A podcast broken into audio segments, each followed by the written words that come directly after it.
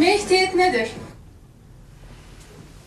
Güzel yüzdüm. Dünya hep berbat gitmez. Zaman zaman batar, zaman zaman güzelleşir, düzelleşir.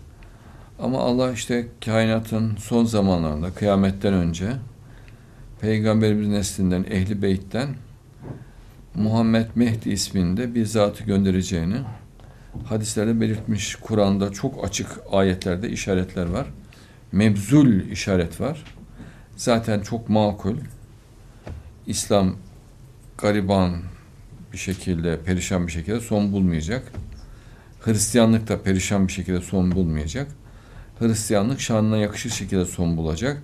Musevilik şanına yakışır şekilde, İslamiyet'te şanına yakışır şekilde son bulacak.